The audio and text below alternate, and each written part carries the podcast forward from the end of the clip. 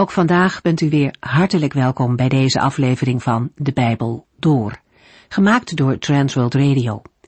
Voor meer informatie kijkt u dan op onze website transworldradio.nl. In deze serie gaat u in vijf jaar tijd met ons de Bijbel door, van Genesis 1 tot en met het laatste vers in Openbaring 22. In onze vorige uitzending hebben we het boek Hosea afgerond.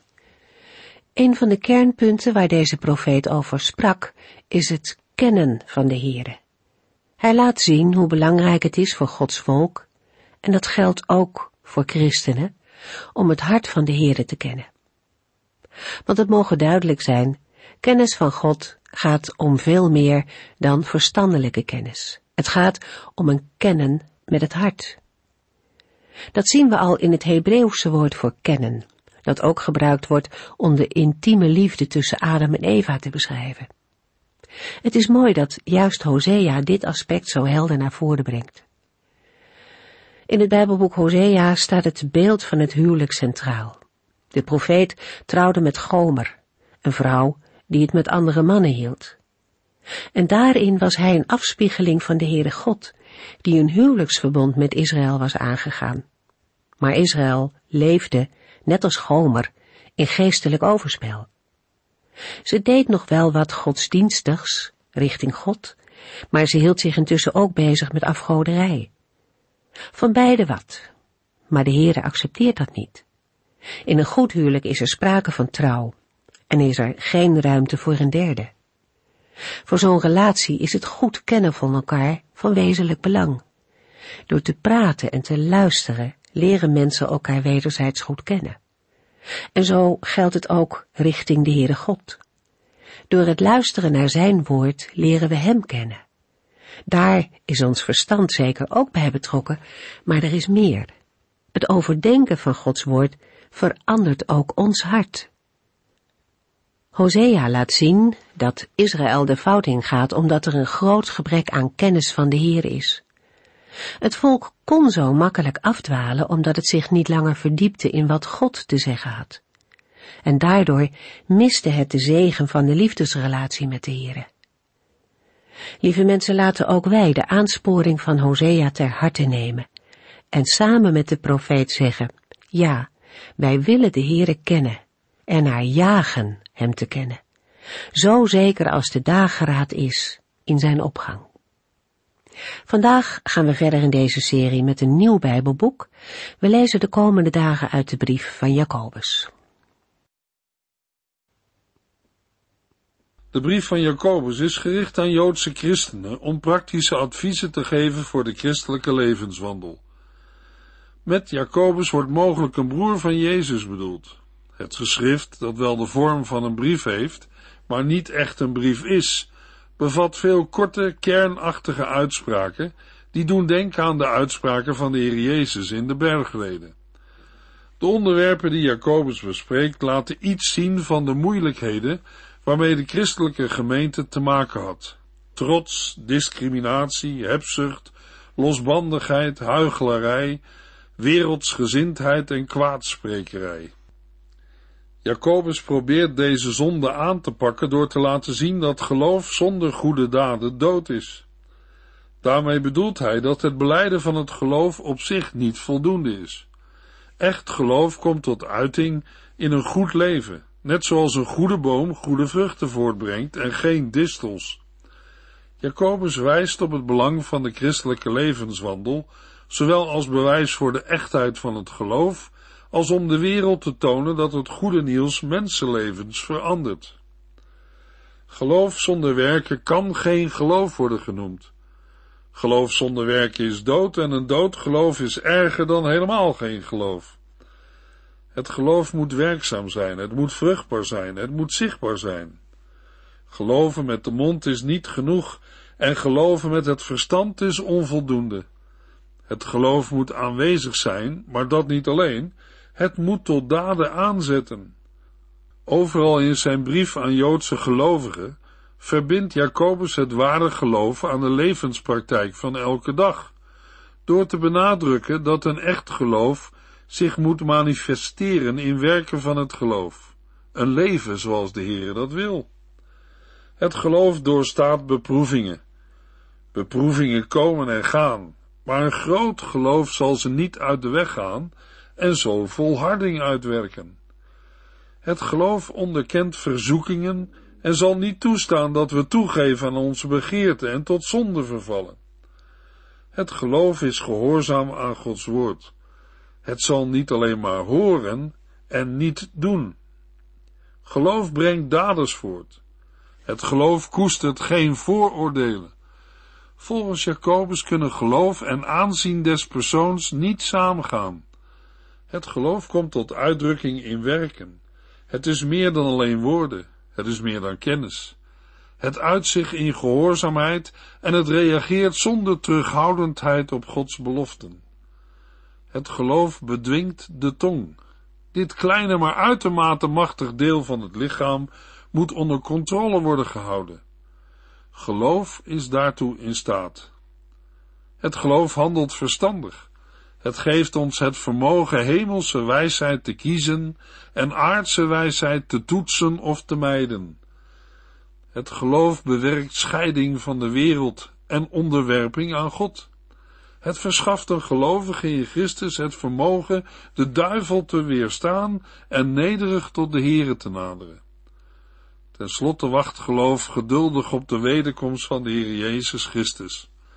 Het klagen wordt door alle moeite en beproevingen heen onderdrukt. Aan de naam Jacobus in Jacobus 1 vers 1 is het vroege opschrift de brief van Jacobus ontleend. Jacobus is de Griekse vorm van de Hebreeuwse naam Jacob, in de eerste eeuw na Christus een onder Joden veel voorkomende naam. Er worden in het Nieuwe Testament vier mannen Jacobus genoemd.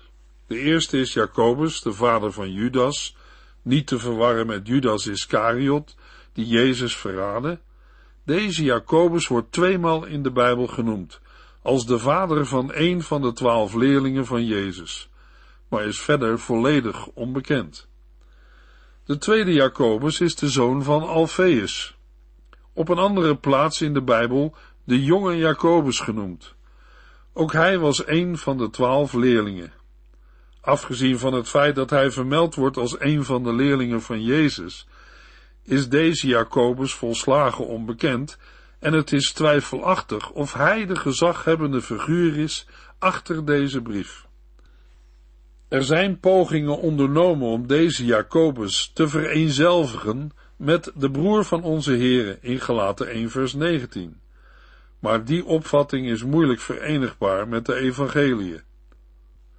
De derde Jacobus die we in de Bijbel vinden is Jacobus, de zoon van Zebedeus en de broer van Johannes.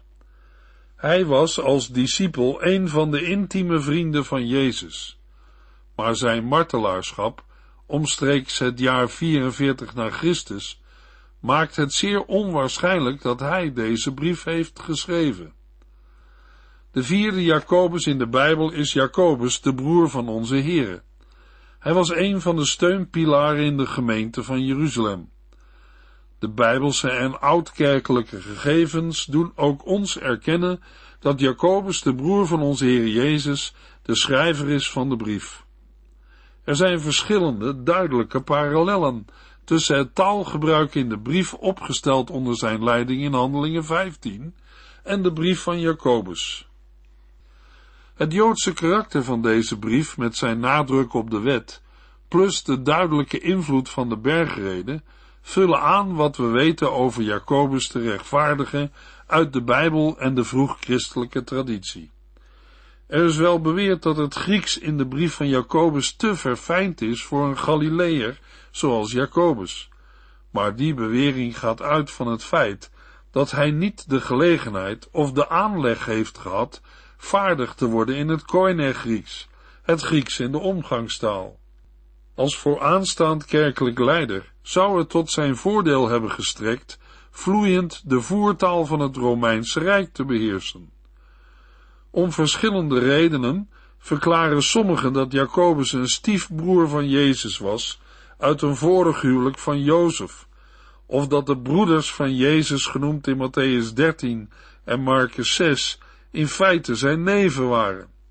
Maar de meest voor de hand liggende verklaring van de gegevens in de evangelie is dat Jacobus de halfbroer van Jezus was, een nakomeling van Jozef en Maria na de geboorte van Jezus. Jacobus accepteerde blijkbaar de aanspraken van Jezus dat hij de Messias is, pas nadat de Heer Jezus na zijn opstanding aan hem was verschenen. Hij en zijn broers bevonden zich onder de gelovigen die op de Pinksterdag wachten op de komst van de Heilige Geest. Het duurde niet lang of hij werd een erkend leider van de christengemeente in Jeruzalem. En hij was ook een hoofdpersoon en sleutelfiguur tijdens de vergadering te Jeruzalem in Handelingen 15. Zelfs na de derde zendingsreis van Paulus bleef Jacobus de wet van Mozes in acht nemen als een getuigenis voor de andere Joden. De vroege traditie legt de nadruk op zijn Joodse vroomheid en op zijn inzet anderen te overtuigen dat Jezus de Messias is. Hij stierf een gewelddadige marteldood niet lang voor de val van Jeruzalem. De beknoptheid en de geringe nadruk op de christelijke leer verhinderde dat de brief van Jacobus breed in de christelijke gemeenten werd gelezen. Tegen de tijd dat de brief in alle christengemeenten bekend werd, heerste er onzekerheid over de identiteit van de Jacobus in Jacobus 1 vers 1. De groeiende erkenning dat deze brief door de broer van onze Here was geschreven, leidde tot zijn aanvaarding in de kanon van het Nieuwe Testament en de Bijbel. De brief van Jacobus is gericht aan de twaalf stammen die over de hele wereld verstrooid zijn. En uit versen zoals Jacobus 1 vers 19 en Jacobus 2 vers 1 en 7 blijkt dat deze groet wordt overgebracht aan Joodse christenen buiten Israël. Hun plaats van samenkomst wordt een synagoge genoemd in de Griekse tekst van Jacobus 2 vers 2. En de hele brief weerspiegelt de Joodse denkwijze en Joodse uitdrukkingen. Er zijn geen toespelingen op slavernij of afgoderij. En dat sluit ook aan bij een oorspronkelijk Joodse lezerskring. Er kwamen op de Joodse gelovigen veel problemen af die hun geloof op de proef stelden. En Jacobus was er bezorgd over dat ze zouden bezwijken door ongeduld, bitterheid, materialisme, verdeeldheid en geestelijke apathie. Als inwoner van Jeruzalem en leider van de gemeente had Jacobus ongetwijfeld veel contact met Joodse christenen uit een aantal Romeinse provincies. Daarom voelde hij zich verantwoordelijk hen te vermanen en te bemoedigen in hun geloofstrijd. Volgens de Joodse historicus Flavius Josephus stierf Jacobus in het jaar 62 na Christus de marteldood. Zij die hem houden voor de schrijver van deze brief, hebben een datering voorgesteld die varieert van 45 na Christus tot het eind van zijn leven. Maar er zijn verscheidene factoren die erop wijzen dat de brief van Jacobus het oudste geschrift van het Nieuwe Testament zou kunnen zijn. Ik wil u vijf argumenten noemen. 1. Er wordt niets vermeld over christenen uit de niet-Joden, of hun verhouding tot de Joodse christenen, zoals te verwachten zou zijn in een latere brief. 2. Afgezien van de verwijzing naar de persoon van Christus is er in de brief van Jacobus nauwelijks sprake van een kenmerkende theologie, zodat gedacht moet worden aan een vroege datering, in een periode waarin het christelijke geloof nog gezien werd als een onderdeel van het Messiaanse Jodendom. 3. De toespelingen op het onderwijs van Christus vertonen qua woordgebruik zo weinig overeenkomst met de eerste drie evangeliën, dat de brief van Jacobus waarschijnlijk voor de evangeliën is geschreven. 4. Jacobus gebruikt het Griekse woord synagogen, vergadering, naast gemeente. En uit zijn brief blijkt een zeer eenvoudige organisatie van oudsten en leiders van de gemeente, naar het voorbeeld van de vroege synagogen. 5. Jacobus noemt niet de zaken die aan de orde waren in de vergadering te Jeruzalem uit Handelingen 15. Als we vragen op welke wijze Jacobus in zijn brief Jezus Christus beschrijft, dan ontdekken we het volgende. In Jacobus 1 en 2 schrijft Jacobus over de Heere Jezus Christus. En in Jacobus 5 over zijn uitzien naar de terugkomst van de Heere. In vergelijking met andere nieuwtestamentische schrijvers zegt Jacobus weinig over Jezus Christus.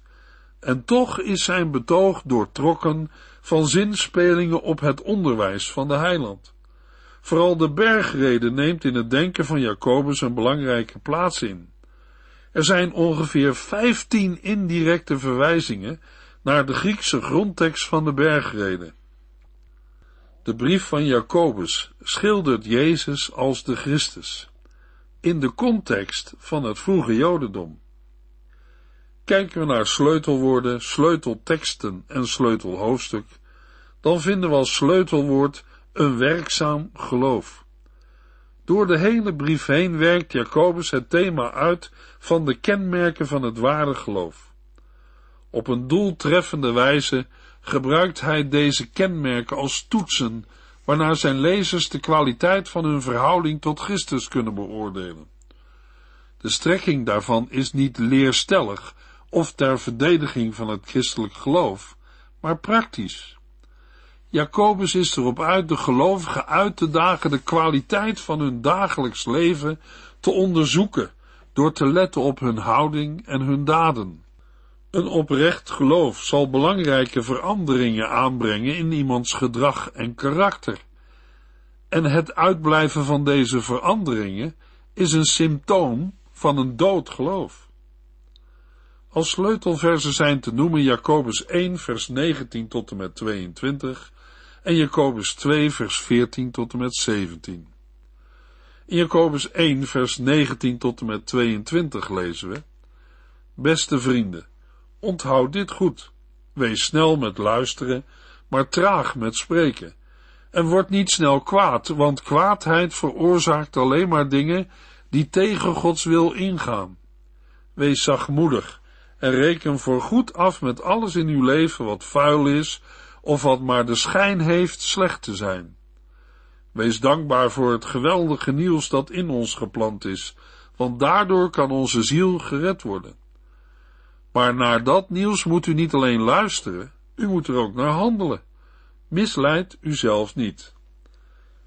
En in het tweede gedeelte, in Jacobus 2, vers 14 tot en met 17, lezen we: Broeders en zusters, wat voor zin heeft het te zeggen dat u christen bent, als dat niet blijkt uit wat u voor anderen doet? Kunt u door zo'n geloof gered worden? Als uw vriend niet genoeg te eten krijgt en bijna geen kleren heeft, en u zegt tegen hem, het beste ermee hoor, vat geen kou en zorg dat je niet verhongert. Is dat toch zinloos als u hem niet geeft wat hij nodig heeft? Het is wel duidelijk dat geloof alleen niets te betekenen heeft. U moet het ook laten blijken uit wat u doet. Geloof dat niet uit daden blijkt, is geen geloof. Het is dood en zinloos. Het eerste hoofdstuk in de brief van Jacobus is het sleutelhoofdstuk. Een van de moeilijkste terreinen van het christenleven is dat van de verleidingen en moeilijkheden. Jacobus laat de juiste reactie op beide zien. Houdt moeilijkheden en verleidingen voor enkel vreugde en beseft dat God nooit de neiging heeft iets slechts te doen. Hij brengt niemand in verleiding. De Heere is niet de bron van verleidingen. Ter afsluiting van de algemene inleiding geef ik een overzicht van de inhoud van de brief. Jacobus is het spreukenboek van het Nieuwe Testament, omdat het geschreven is in de beknopte stijl van de wijsheidsliteratuur. Het is duidelijk dat Jacobus sterk beïnvloed werd door de wijsheidliteratuur uit het Oude Testament en door de bergreden uit het Nieuwe Testament. Maar de vurige prediking van Jacobus tegen onrechtvaardigheid en sociaal onrecht heeft hem ook de naam van de Amos van het Nieuwe Testament bezorgd. Vanwege de vele onderwerpen in de brief is het moeilijk een samenvatting te geven. De voorstellen die uitleggers geven, variëren van een aantal losse onderwerpen tot een strak, samenhangend schema. Wij kiezen voor een indeling in drieën. Het eerste gedeelte, Jacobus 1, vers 1 tot en met 18, handelt over de beproeving van het geloof. Het tweede en grootste gedeelte, Jacobus 1, vers 19 tot en met 5, vers 6, handelt over de kenmerken van het geloof. Het derde gedeelte, Jacobus 5, vers 7 tot en met 20, gaat over de overwinning van het geloof.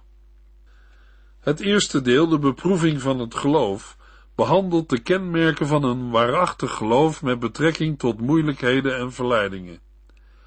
Na een korte groet aan de over de hele wereld verspreide Joodse christenen introduceert Jacobus direct zijn eerste onderwerp: geloofsbeproevingen van buitenaf. Deze beproevingen hebben een doorwerkende volharding tot doel en een besef afhankelijk van de Here te zijn. Tot hem gaat een gelovige voor wijsheid en toerusting. Innerlijke verzoekingen komen niet van God. Hij geeft ons alles wat goed en volmaakt is. Deze verleidingen tot het kwaad moeten in een vroeg stadium worden bedwongen, want anders kunnen ze rampzalige gevolgen hebben. Het tweede deel, de kenmerken van het geloof, behandelt een juiste reactie op beproevingen. Zo'n reactie vereist dat men snel moet zijn met luisteren, maar traag met spreken, en niet snel kwaad moet worden. Deze woorden zijn een globale samenvatting van de rest van de brief. Snel zijn met luisteren sluit een gehoorzame reactie op Gods woord in. Echt luisteren houdt meer in dan horen wat er wordt gezegd. Het woord van God moet worden aangenomen en toegepast. Na het noemen van dit principe werkt Jacobus dit verder uit aan de hand van een voorbeeld en een toepassing.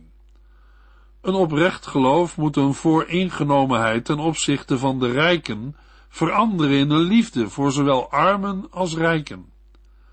Een oprecht geloof moet ook leiden tot daden.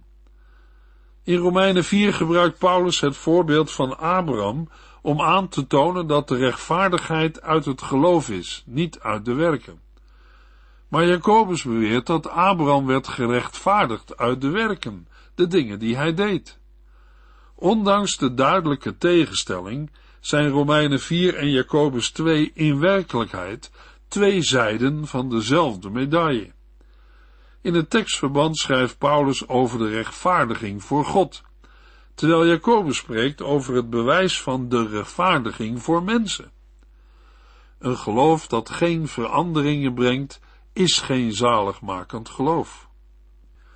Door over te stappen van werken of daden naar woorden, toont Jacobus hoe een levend geloof de tong in bedwang houdt. De tong is klein, maar heeft macht net zoveel goeds als kwaads te veroorzaken. Alleen Gods kracht, aangewend door een werkzaam geloof, kan de tong in toom houden.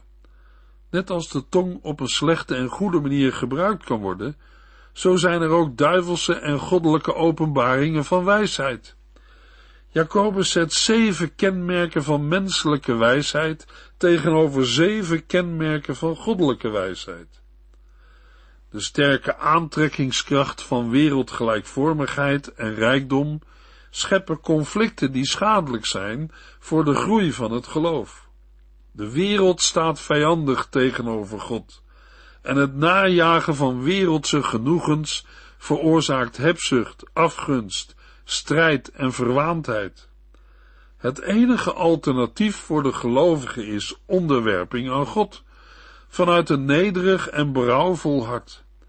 Dat zal ook verandering brengen in de houding tot andere mensen. Deze geest van onderwerping en nederigheid moet een rol spelen bij alle pogingen om winst te maken, vooral omdat rijkdom kan leiden tot trots, onrechtvaardigheid en egoïsme. In het derde deel, de overwinning van het geloof, moedigt Jacobus zijn lezers aan het lijden van de tegenwoordige wereld geduldig te dragen met het oog op de toekomst, in het perspectief van de wederkomst van Christus. Gelovigen kunnen wel onderdrukt worden door de rijken of gebukt gaan onder de omstandigheden, maar naar het voorbeeld van Job kunnen zij er zeker van zijn dat God in zijn bemoeienis met hen genade op het oog heeft. Jacobus besluit zijn brief met een aantal praktische woorden over gebed en genezing van gelovigen. De gebeden van rechtvaardige mannen hebben een krachtige uitwerking bij genezing en herstel van gelovigen. Als zonde niet wordt aangepakt, kan ze ziekte en zelfs de dood veroorzaken. We gaan nu lezen in Jacobus 1, vers 1 tot en met 3. Van Jacobus, een dienaar van God en van de Heer Jezus Christus, aan de Joodse christenen uit de twaalf stammen die over de hele wereld verstrooid zijn. Beste broeders en zusters, is uw leven vol moeilijkheden en verleidingen? Wees dan maar blij, want als uw geloof die beproeving doorstaat, kan uw geduld groeien. Naar de gewoonte in die dagen begint de schrijver met het noemen van zijn naam, Jacobus. Hij introduceert zichzelf met de woorden dienaar van God en van de Heer Jezus Christus. Voor de woorden dienaar van God staat in het Grieks slaaf van God. Daarmee grijpt Jacobus terug op het Oude Testament. Daarin worden allerlei belangrijke personen ook slaaf of knecht van God genoemd, zoals onder andere Mozes en David. De aanduiding dienaar van de Heer Jezus Christus komen we in de aanhef van nog een paar brieven tegen. Het is opmerkelijk dat Jacobus zich niet aandient als apostel, een verschil met Paulus en Petrus. Jacobus richt zich tot de Joodse christenen uit de twaalf stammen, die over de hele wereld verstrooid zijn. In de volgende uitzending lezen we verder in Jacobus 1. U heeft geluisterd naar De Bijbel Door, in het Nederlands vertaald en bewerkt door Transworld Radio. Een programma waarin we in vijf jaar tijd de hele Bijbel doorgaan. Als u wilt reageren op deze uitzending of u heeft vragen, dan kunt u contact met ons opnemen. Tijdens kantooruren kunt u bellen op 0342 478432. 0342 478432. Ook kunt u een e-mail sturen naar de en natuurlijk kunt u ook via de post ons bereiken. TWR, postbus 371, postcode 3770, AJ in Barneveld. Dit programma werd gepresenteerd door Cor Weda en Ike André. Techniek was in handen van Odin van Voerkom. En wij allemaal bedanken u voor het luisteren. Graag tot de volgende keer.